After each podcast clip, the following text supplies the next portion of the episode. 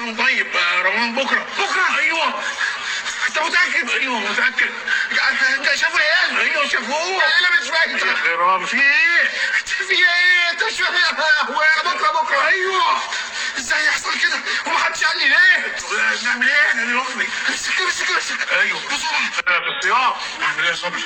أول يوم ده أصلا بيبقى بيبقى حر وجوع وعطش ونرفزة. آه آه نرفزة أيوه نرفزة نرفزة. إيه ده؟ ما كانش ما كانش بصراحة أنا مش عارف سيد متعصب ليه. Welcome to my empire أو بمعنى أصح أهلا بكم في إمبراطورية المخيخ. كل سنة وأنتم طيبين ورمضان كريم. عارف إن الحلقة اتأخرت بس أنا قصد. ما هو بصراحة كنت مستني أشوف إيه الجديد اللي هيحصل غير دودو اللي بتطلع نص شعرها من الطرحة ولابساه بس في رمضان. في رمضان قال يعني رب رمضان غير رب باقي الشهور. والأطفال الأبرياء اللي بيفرقعوا صواريخ وميدو روشانة اللي بيستنى البنات تعدي ويفرقع صاروخ. ومحمد رمضان بيعيط من عين واحدة ومظلوم وأمه ماتت فملناش دعوة بالناس يا سيد. دعوا الخلق للخالق خليك في نفسك. ما هو بصراحة مش كل الناس نظيفة وأكيد الناس كلها بتغلط. فما تركزش على غلطات الناس عشان محدش يركز على غلطاتك.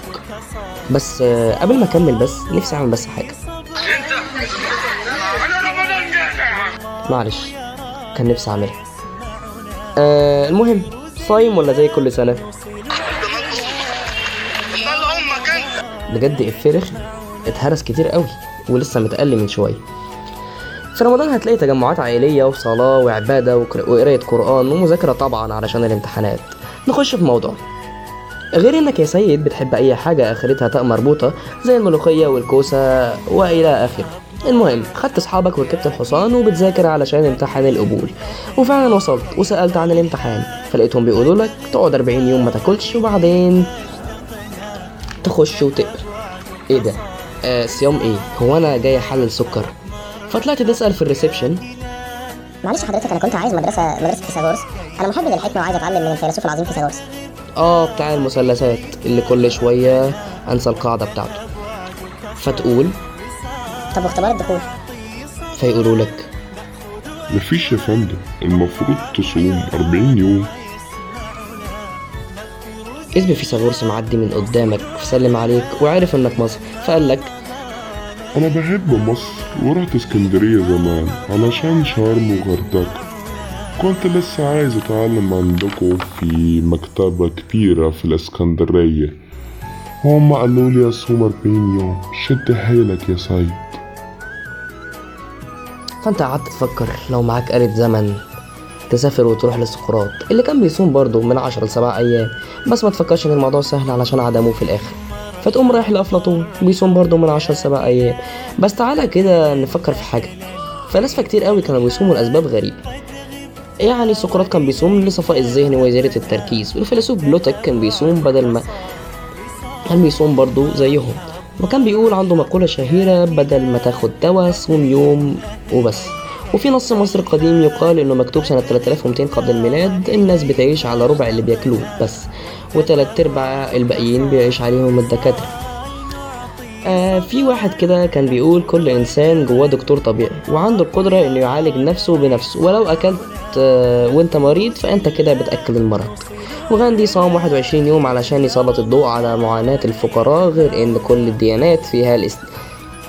فيها صيام. زي الإسلام في رمضان 30 يوم والمسيحية الصوم الكبير وكذلك الهندية والبوذية واليهودية. فيهم أشكال برضو من أشكال الصيام.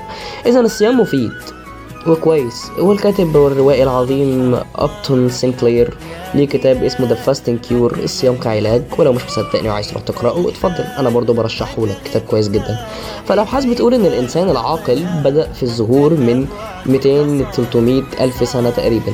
وبدأ آه بدأوا يزرعوا من 5000 سنة وقبل الزراعة. الإنسان ما كانش متحكم في الأكل بتاعه. يعني كان لازم يدور عليه أو يصطاده. آه يعني بيقوم من النوم يجري ورا أرانب. يعني ما كانش عنده رفاهية إنه يروح السوبر ماركت ويغير رأيه بين الفراخ والسمك. فتعال أقول لك إيه اللي بيحصل في جسمك. لما تيجي تاكل يا سيد فالجسم بيحول النشويات دي لجلوكوز علشان ياخد الطاقة اللي هو عايزها. والجسم بيفرز الأنسولين علشان ينظم عملية توزيع الجلوكوز للخلايا ودي الطريقة رقم واحد.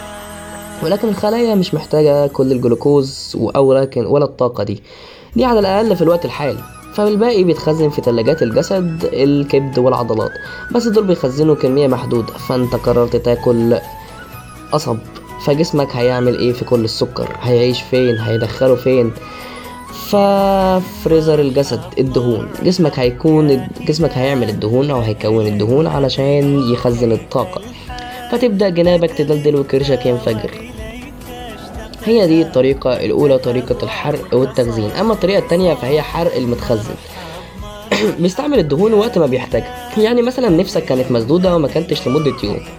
فكده بيزيد إفراز هرمون ال sensitive lipase فيفتح التلاجة والفريزر وياخد الطاقة. وهي ده رقم اتنين. المشكلة هنا إنك ما بتديش لجسمك الفرصة إنه يعمل عمليتين. كل ساعتين تديله جلوكوز. فهو عمال يخزن علشان كده الصيام مهم. فإن جسمك ياخد أجازة والصيام كمان بيحفز بروتين ال BDNF وده عامل أساسي علشان المخ ينتج خلايا جديدة وتفوق أكتر. في دراسة اتعملت في جامعة الملك سعود على مجموعة من الشباب قبل وخلال شهر رمضان لقوا إن الصيام بيزود اليقظة والانتباه عن طريق م... عن طريق موصل عصبي اسمه orexin A مش بس كده عالم البيولوجي ودكتور علم الوراثة ديفيد سنكلير وجد إن عدم الأكل لفترة بيحفز بروتين ال sirtuins البروتينات دي بتصلح مشاكل وأضرار ال DNA واللي تراكمها هو بيؤدي للشيخوخة ثم الموت. أه، بس في الحقيقة أنت لما بتبقى صايم لفترة طويلة وتيجي ترزع طبق مكرونة بشاميل مرة واحدة أنت كده مش بتدي لجسمك طاقة. أنت كده بتديله على دماغه. الأكل الكتير هيزود إفراز الأنسولين وهيرفع نسبته في الدم. فأنت هنا أكنك بتزود دخول السكر لكرشك. وجنابك وبعديها هتحس بالشبع بسبب ارتفاع نسبة الجلوكوز تدريجيا. بس مش هتشبع علشان اخدت كفايتك لأ علشان معدتك اتملت. اذا الصيام أهميته لا تعد ولا تحصى. تمام؟ يبقى نصوم بقى وبلاش نخش الحم... حمام اكننا بنتوضى ونشرب شوية مية. فكل سنة وأنتم طيبين وإن شاء الله رمضان كريم والله أكرم. ونخرج منه من غير ذنوب ولا أي عادة وحشة. وسلام.